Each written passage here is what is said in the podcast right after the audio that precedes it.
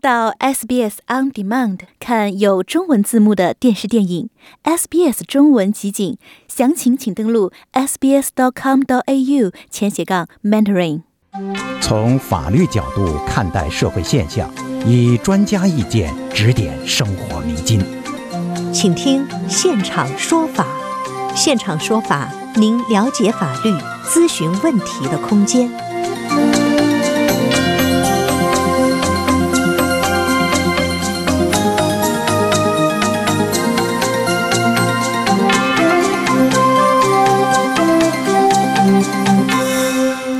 听众朋友，大家上午好，欢迎您收听今天的现场说法听众热线节目，我是主持人许胜男。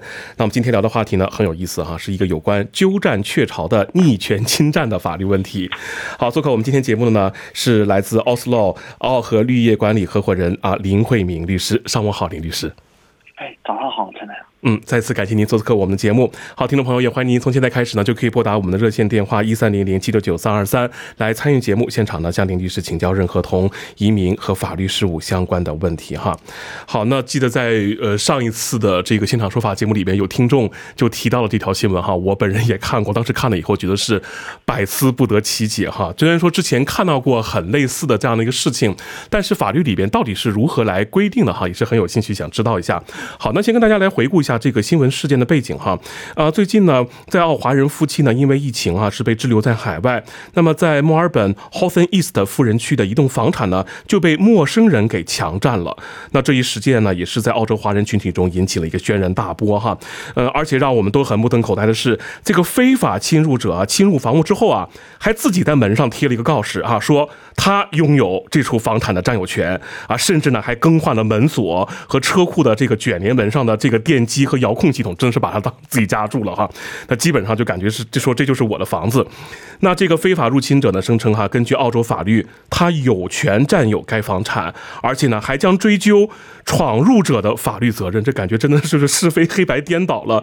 所以说就很想知道，这个就是咱们说的鸠占鹊巢哈，这个强盗还有理了吗？呃，在上周的节目里面，您也提到这是澳大利亚法律里边有关逆权侵占的哈这样的一个法律问题。那先给我们来了解一下，那澳大利亚法律真的是可以允许像这样的哈私自霸占他人的房屋吗？嗯，这个。呃，这个法律概念非常有意思，然后感觉这个陌生人去占这个富人区这套房子的这个占有人啊，他仿好像非常懂法律一样，他会贴告示，会去更换，仿佛他把这个逆权侵占也非常了解。那这么一个概念呢，它其实是澳洲普通法的一个法律概念，嗯，是指一个不动产当中的非业主不经原业主的同意持续占用。原业主土地超过一定的法定时效之后，原业主的起诉期限也终止了，过去了。那么这个占用者啊，就可以把成为这个新土地的合法新用呃新业主，并且向全世界去宣告，我已经是新业主了，我也不需要去付出任何代价。所以呢，他就可以去更换门锁啊，更换家具啊。如果原业主再想回到这个呃。业物物业之内的，可能还会要被追究这个闯入者的这个法律责任了。所以这样个逆权侵占的问题，其实在过去就是整个澳洲的法律历史上。还是有那么几个非常经典的案例的。哦，您刚刚也提到哈，就是说这个鸠占鹊巢，这个鸠得必须在这个鹊哈，就是说这个原业主起诉期啊终止之后，那他在居住一定时间以后就可以声称享有这个物业权了。那就想知道这个有关逆侵逆权侵占的这个实现和条件究竟是怎样的呢？嗯，呃，虽然澳洲法律它规定了逆权侵占，但是在实践的生活当中，其实逆权侵占的成功占有他人的。案例啊，它其实呃几率并不并不大。嗯，为什么呢？有以下几个条件，我们来看一下。首先呢，为了成功进行逆权侵占啊，澳洲不同地区其实对于非业主持续占有的法定时效是有所区别的。比如说，新州、昆州、西澳、塔州约定的是十二年，要持续占有十二年。嗯，对于一个原业主呃，然后在维州跟南澳是十五年。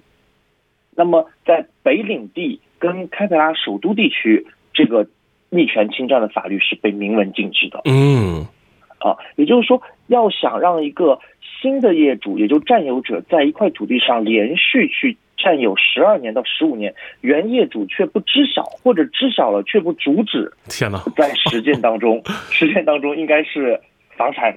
太特别多，对对，就是说这是咱就说是贫穷限制了想象和贫穷限制了 common sense 的这个意思哈。对，一般情况下很难。对，嗯，对，感觉他根本无法发现，或者发现了不去管制一样。所以正是因为这样的一个呃情形，它并没有很多，所以这样的案例在整个法律历史上，它其实并没有很多。所以我们会经常从新闻上可能一下子看到一些呃这样的一个字眼啊之类，引起一下。关注，但是我们在澳洲的这个业主们其实不用特别担心，因为它的构成的这个时效其实真的很长。嗯，就只要心别太大，钱别太多，这个错误还是很难犯下的。我们说哈，好了，除除了时间以外，还有什么其他条件需要满足呢？呃，除了满足法定时效之外呢，还要满足以下几个条件啊。第二个条件，实际占有该房产。我们说占有者啊，要表现的像是合法业主一样占有这个房产。我们举个例子，比如说去呃那个看管这个花园，然后进行那个适当的、合理的这个维护，嗯，甚至跟邻居之间还有一定关系的相处，呃，然后包括招呼客人啊之类的，正常的收信啊，正常的交费用啊等等，就像原业主一样，实际的、合法的去使用这个房产，这是第二个条件。第三个条件就是回到我们刚才说的适用时效当中，并且在这时效当中呢，它是进行一个连续的使用的。嗯，法定侵占期间它不能有所间断。嗯，不能参加。但但但我们的侵占者他也是可以出去旅行啦，不是说 二十四小时都都只能在这个房子里面，也可以适当的就正是能出去旅行、能出去购物，才显得更像实际占有这个房产。嗯，把它当家一样了。嗯。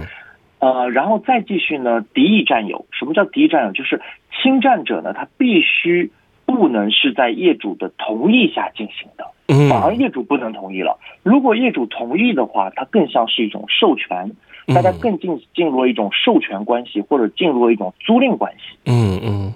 所以呢，它不能是在业主同意的情况下进行。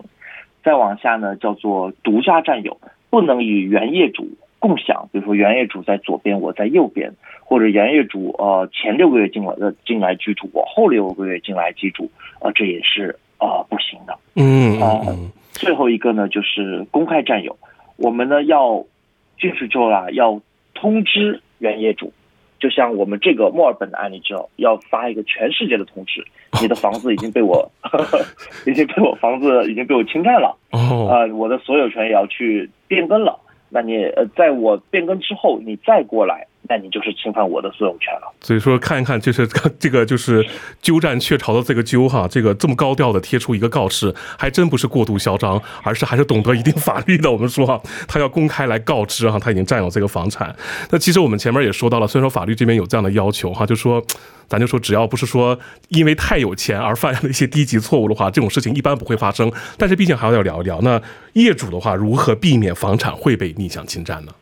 嗯，是的，呃，虽然这样的几率并不高，但是很多的华人其实之前并没有去接触到，甚至澳洲本地人了，他们并没有接触到逆权侵占这个法律概念。嗯，所以。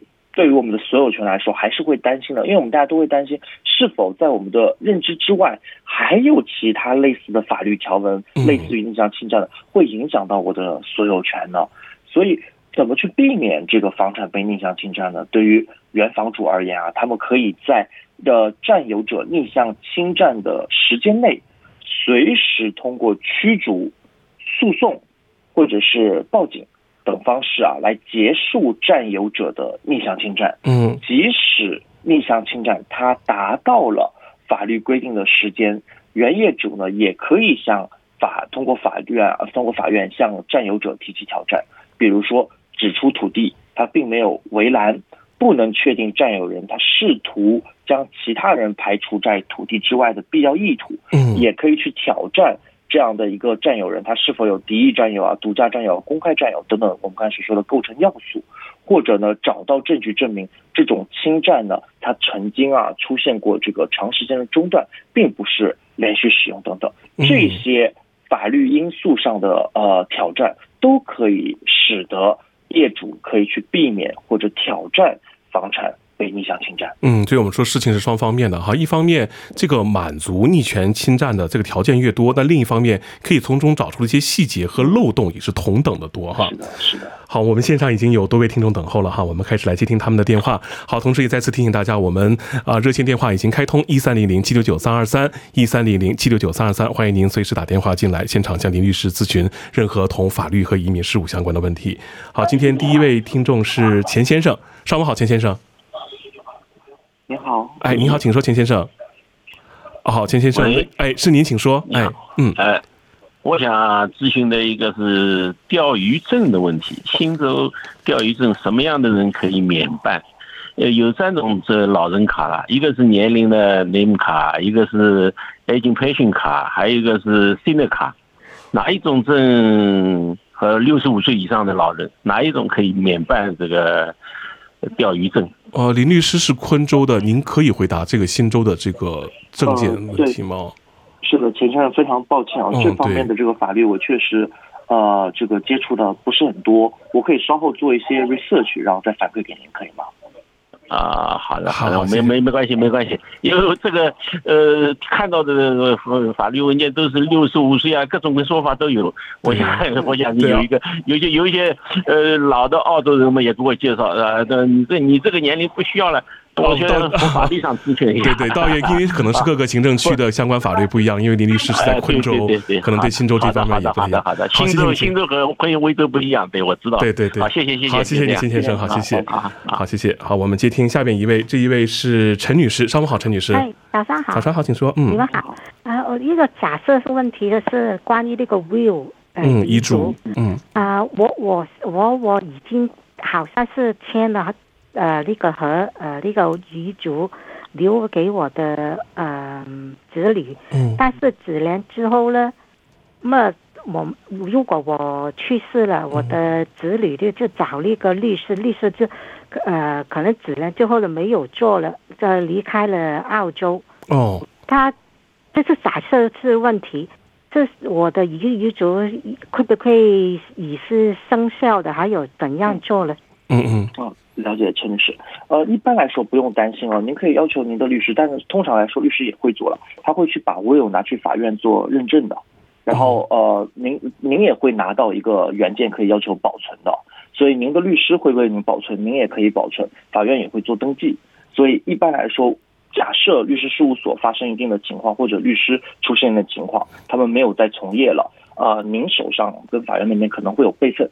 此外呢，如果这个律师事务所他不做的话，他会把自己的所有的法律的文件啊，都要转交给这个另一家这个律所，或者是转交给律师工会去管理的，就是他会有继承的职业者的。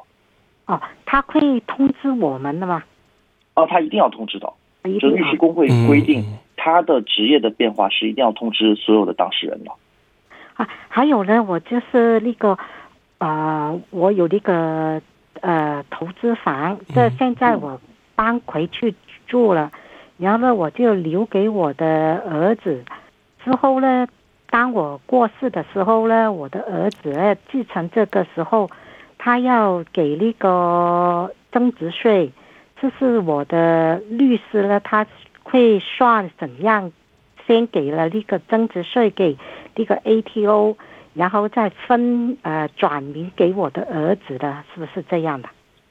哦，这这是可以处理的。一般是在转名之前需要把相关的税务全部给呃结算好的。但一般来说，增值税是会计师去计算的，可能能给到给到您一个更加具体的这个数字。但是在过户转名之前，相关的税务要去把它结算好的。嗯。哦，他怎样呃计算那个价钱的价钱？不是买出去的，是我的儿子。继承的，它是用的 market value 嘛？计算那个增值税。如果您没有买卖合同的话，他会按照 market value 来算。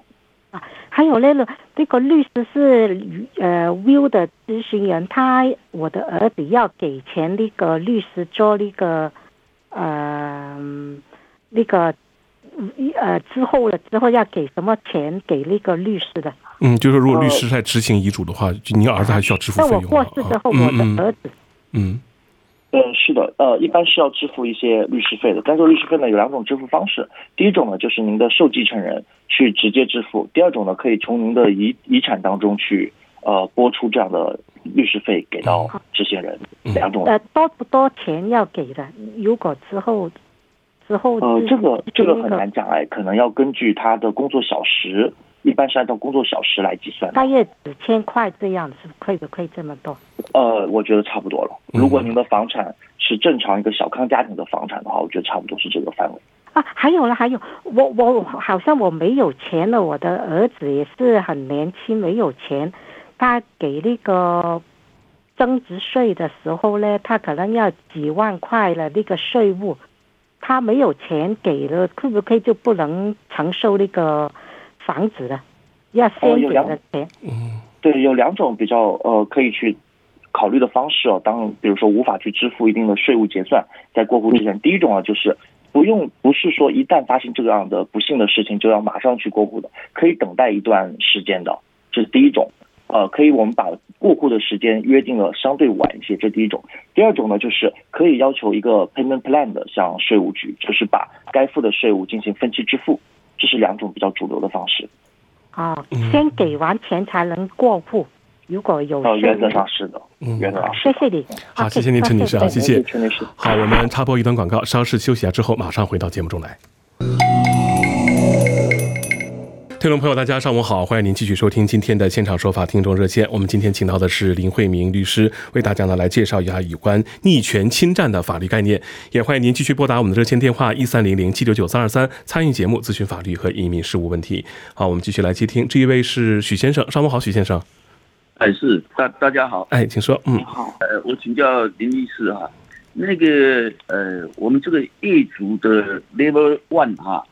他呢，那个呃，怂恿楼上的一些住家来要求这个 ground floor 哈，这一户人家买前面的 common area，因为这个楼下这个 common area 这个人呢，平时那个 common area 都他在使用嘛，啊，所以这个 level one 的人就是说叫大家去呃叫 level 呃 level ground floor 这个买下来，把那个钱放在这个 strata 呃 levy 那边使用，但是买下来以后他就是没有去登记，没有登记呢。后来 level one 呢，这个人呢，就说啊，不然他哈，那个来帮 ground floor 这个人呢建一个什么，就等于说建出来以后就变成 level one 的一个大阳台啊，啊，结果真的这个钱哈是由 level one 的人呃给花钱把它建起来，但是现在建建好以后呢，他一不登记这个 ground floor 这块地给 ground floor 这个人，然后现在 level one 这个又要什么买上面那个 air space，好，他将来准备再盖上去，那这样的话。Level One 这个人就有这个权利去买这个 Level One 这个阳台上面整个 air space 吗？我是要请教这个问题。嗯，我认为是蛮难的。首先，他在买 ground ground floor 的 common area 的时候，是说这次的时候应该全部业主都要去投票了啊，除非是上次投票他已经通过了。那这次投票的话，比如说他买上层的那个呃 common area 另一个 common area 的时候，业主们还需要再去投票。并且他要再买这么多 common area 的时候，其实我们还可以挑战他过去买掉的钱，在 strata fund 里面那个钱，他是否被合理使用了，还是被剥去哪个去向了？这笔钱都是可以在这一次当中一起去挑战、去质询的。那如果怀疑，哎，我告诉你，这个呃 ground floor 那个人哈买的时候是由大家同意的啦，啊，啊钱也放在 body copper 那边的。那呢，就是当初说这个钱付了以后，马上要登记给 ground floor，结果他没有去登记。啊，level one 这个人就是啊，就又说，哎呦，不然就这样，他花钱啊来帮 ground floor 建这个哈，啊建起来就变成他的阳台的大阳台，对不对？但是当然是下一次如果他买 air space 又需要他的同意，没错。但是因为他是最大的业主，他自己本身就好像有那个权利就可以通过的意思。啊，我理解您的意思。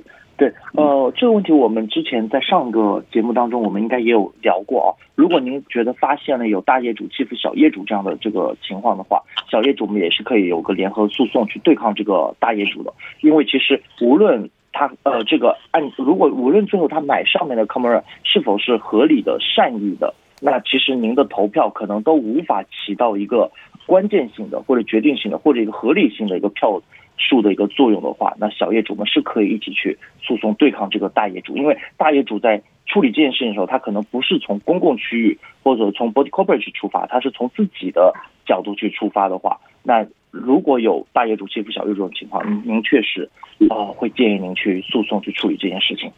我能感觉到这样的问题应该蛮久了，应该是一个 body corporate 蛮大的问题了。他是认为说他已经呃可以同意了，怎么说呢？他九户人家他占了五差不多五票了嘛哈，所以他就已经有这种大业主想要吃小业主这种感觉了。呃，是的，那这个案件的话，我觉得各个业主们可以采取先采取一个 mediation 试试看，每个业主可能都有自己的代表人或者是律师，那 mediation 试试看这样的问题是否能被解决，呃，特别是在。前面的问题也应该要被解决，不然的话一直拖下去，只能可能会造成影响会更大。嗯，好，谢谢徐先生。好，我们今天听众蛮多的，好，谢谢您参与节目。好，谢谢。好，我们接听下面一位，这一位是李先生，上午好，李先生。哎，你好，你好，你好。哎，啊，我想请问一个，就是说有关那个水钻塔问题哈，就是我这栋楼呢是八家，八家就是我那个屋顶上那个要需要修理哈，我们在一九年的年底。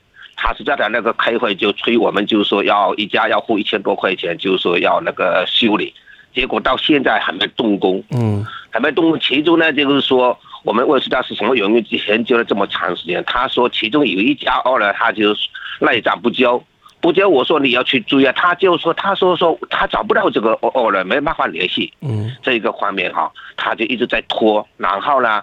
去呃，今年我们交了两次的 special 的，一第一次是四百多一家，第二次是六百多。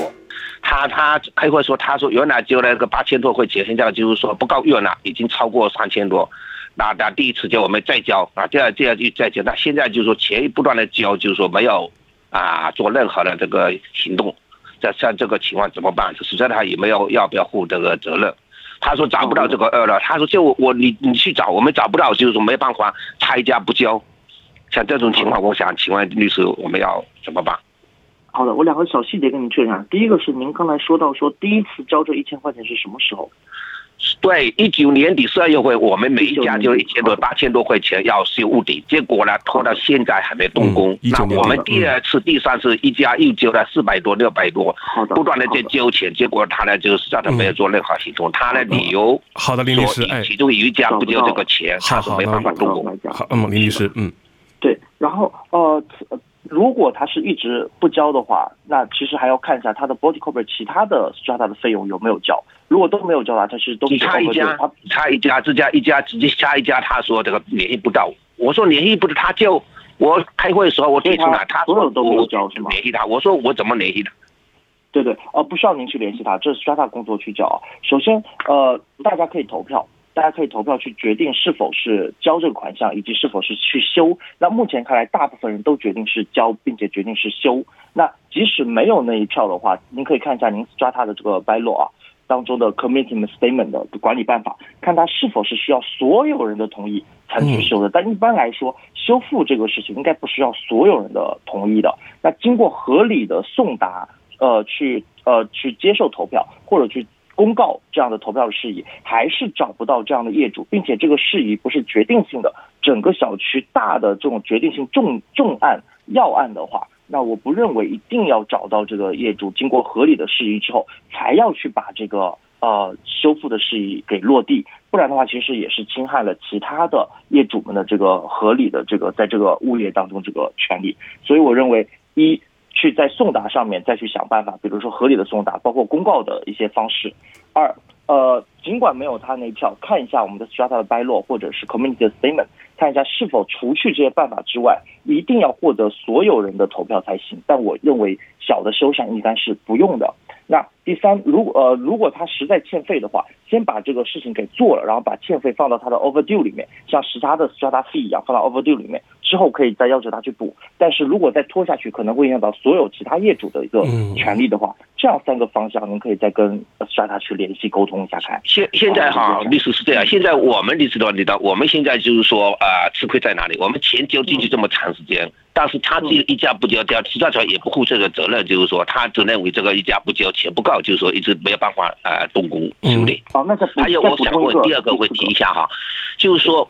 我们这家其啊，实不好意思，李先生，因为我们今天时间蛮有限的，哦我们就先我我最后一句就是开会的时候啊，有的人那个 owner 没有来是吧？也本来要想写那个授权书，结果开会的时候他没有提供这个授权书，这个是合合合规不合规？呃，一般没有授权书的话，一般来说他可以先投一个票，但那个票不能算数，然后附上了那个授权书，可能才能算数。嗯。好，谢谢李先生。好，那我们今天时间有限，还有其他听众。好的，希望您这边事情都一切顺利好谢谢。我们接听下边一位，这一位是黄女士，上午好，黄女士。哎，你好，你好，请说。哎，是您，请说。嗯，嗯，你好，那个师弟好。啊，我想请问一下关关于跟我邻居的那个大树的问题，就是在我隔壁呢，他他的树的树根是长树主干是在他的旁边，就靠近我的 fence，但是他那边是那个有三层楼的高的那个 flat，嗯然后我现在就要把它锯掉，因为它树已经长到我屋顶上边来了，我就就嗯就太大了。我想要把它锯掉的话，嗯，那我要找他的那个叫现在叫什么，owner corporate 是吧？要跟他通知他，要求他锯掉，或者是我也分担一部分责任，怎么样的？但是我现在就不不知道怎么样找到他那个 board，呃，那个 owner corporate 的那个联系的资料。那我们有我们有什么方法可以做呢？嗯隔壁是个公寓对吗？是公寓，就是那个三层楼公寓楼的那个，我这边也是只是单层的。没问题，没问题。一般来说，呃，旁边一定会有，您可以看，一般有一些啊，它在门口的入口的玻璃门上就会有那个呃 body corporate 的一些 strata 或者 strata 的联系方式，你可以看先看一下。如果实在看不到的，或者或者问邻居里面的业主或者租客也找不到的话，您可以打电话给 council 问一下这块呃项目就这个物业大楼的这个联系人是谁。然后联系之后，你可以先给他发 notice，表示他的树其实已经侵害到了您的呃土地的这个所有权了，询问一下他的管理办法是什么。但一般来说，如果是他的树长到您这边的话，呃，您一般来说是不需要去支付费用的。那其实除了它的树干之外，我觉得更重要的是地基，因为有些大树它的地基长出来可能会影响到您的土地，但其实是我们肉眼看不到的，这您还要注意一下啊。如果相关的嗯 notice 跟这个这样的来信沟通啊，都解决不了这样的问题，您可能要去这个 tribunal，就是相关的这个呃民事裁判庭，民事裁判庭那边是有专门的关于邻居之间的纠纷，无论是 fence 啊，还是树啊，还是边界，是有专门的一个小的一个行政庭去处理这个事宜的。所以我认为先拿到联系方式，然后跟他有个和呃友好的呃给他一个通知，然后通知之后有个友好的沟通。当然我们会认为他付费用是比较合理的，在这个案件当中，同时看一下那个树枝跟地基是否都有问题。最后实在解决不了问题了，去相关的行政庭去解决这样可能的 dispute。啊，那个相关的那个那个部门叫什么？是不是呃那个消费委员会还是什么？呃，不是消费委员会，因在 New South Wales 应该是呃 New Cat。嗯 New South Wales Cat，呃我在对对 Melbourne NCAT NCAT，对对，您可以上网搜一下 N C A T N CAT 啊。呃，在墨尔本应该是 VCAT。本呢不是在悉尼的，哎，我在墨尔本哦，您是在维州哈？哦，维州。对哦，维州的对，应该是 VCAT。哦，VCAT 对嗯，VCAT 嗯哦哦，嗯对，哦，WeCat 的抱歉，我再在再补充，对，您可以 Google 一下 V Google 一下 VCAT。我再补充一句啊，就对方可能不是对方，旁边可能有大量的树叶飘过来，这也是我们之前处理过一个案件的。嗯如果您处理树叶是需要大量的人力，或者需要请专门的这个清洁工才能清理这些树叶的话，您把相关的 invoice 也要给嗯收集好啊。哦，嗯，因好为它的肯定是长到我们这旁边，我们的后院里面都拱起来了，是就我们经常要要要注意拿出来把锯掉，那个树根还是在长。嗯，好，谢谢您，黄女士哈，您可以跟对方的物业那边先试图联系一下哈。好，谢谢您好谢谢。好我们再来插播最后一段广告，马上回到节目中来。好，欢迎回到节目中来。下面我们继续来接听电话，这一位是朱先生，上午好，朱先生。喂，朱先生，您在吗？嗯，是我吗？哎，是您，请说。嗯，你好，哦，我我想律师呃问问那个我有朋友，他买了块地，是那个买地建房的，但是他二百个工作天盖好，但是他现在过了一年还没有盖好，我我不知怎么办。哦，了解你的意思。他这个他说问我找律师问问这样。好的，没问题，朱先生，这是目前可能遇到比较多的一个情况啊。首先，如果在合同当中明确已经约定好了，在一定时间之内是会完成，比如说两百天，但是却没有完成的话，一般来说在合同当中啊，它会有一个这个每一天的一个罚款的。您可以回到那个建筑合同当中，它可能是二十五到一百澳币每天都有可能啊。您可以回到合同当中去看一下，这是第一个您可以救济的方式。第二个，如果它出现了是根本性重大违约，比如说我愿意等它两百天，现在可能是两百一十或两百五，我们可以合适的等待一下。但如果是三百到四百的话，那它可能构成是根本违约。如果构成根本违约的话，您除了可以撤销合同之外，呃，付本身约定的金额，您还可以诉他 damage 就赔偿，因为他可能耽误了您其在其他地方的，比如说你现在是租房子，他可能耽误了您朋友的这个租金。啊，因为我本来可以两百天就可以居住的，那这些都是合理的 damage 损害赔偿是可以要求去索偿的。那再往下，如果他的违建不是违建，抱歉，如果他的就是呃之后就是太长时间没有交付，不是因为一些不可抗力，而是因为他本身工作没有安排好，或者是他本身的疏漏没有去订货，那这种情况下，呃，您除了损害赔偿之外，你还可以向相关的建筑协会去登记他的责令和那个呃这个责令，就是他事情没有处理好，您可以 claim 他的保险。如果他的相关的赔偿，他自己表示自己没有赔偿能力的话，嗯嗯，这几个方式都是您可以去救济的，还蛮蛮偏向于业主的。嗯，他他朋友就是这样，他自己找找什么地方呃干这个事情啊？找律师是还是找那个消费者委员会啊？呃，消费者委员会在这个事上可以找，但是可能帮助到的这个力度强度可能不会很大。对对对，找律师稍微对对对，找律师好一点，对不对？对，找律师肯定是最有利的一个找律师，他找本本他他原来的律师，他说如果要做这个，他还要收费这样的。呃，应该会是的，因为原本的律师他做的是建筑合同的解释，但现在是建筑合同的纠纷，可能属于第二个 matter 了。对，哦，第二个 matter。嗯，但是对方如果他是错了，但是他不赔怎么办呢？呃，所以他会有保险，一般建筑商他都会在建筑协会有保险的，所以他不赔保险，但是被保险来认定赔。对的，哦被认定违约还是可以做保险的。嗯，好好好，谢谢您，朱先生，好，谢谢。那谢谢您好，谢谢，谢谢啊。好，我们所剩时间不多哈，只能再接听一位听众了。这一位是陈女士，上午好，陈女士。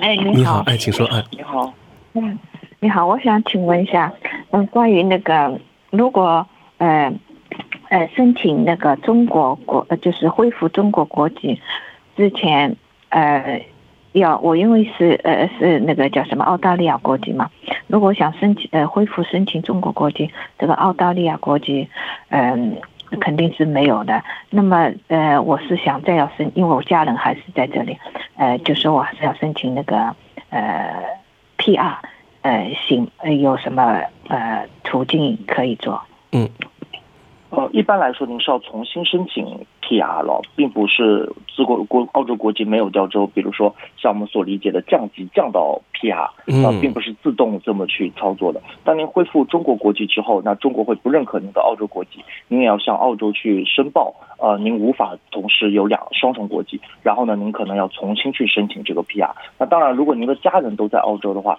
您的先生也可以再再次担保您做这个呃 PR，没有担保的话。哦，就就把手续从头开始做，对，就就是嗯就当做一个完全的新的申请人，不会因为说您之前曾经是公民，还会有任何的便利啊，就是一个完全新的申请人了。是的，嗯，好，谢谢您，陈女士哈，不好意思，因为我们时间马上就要结束了哈。好，谢谢您参与我们的节目，也感谢再次感谢林律师，也感谢大家今天上午两个小时的陪伴。那即将收听到的是九点到十一点的广东话节目，明天早上七点到九点普通话节目与您在空中不见不散。想在 SBS 当一回影评人吗？SBS On Demand 正在推送配有中文字幕的热门影视作品。您只需观看一部或以上影视作品，并把影评观后感发给我们，就有机会赢得一份 SBS 精美礼品。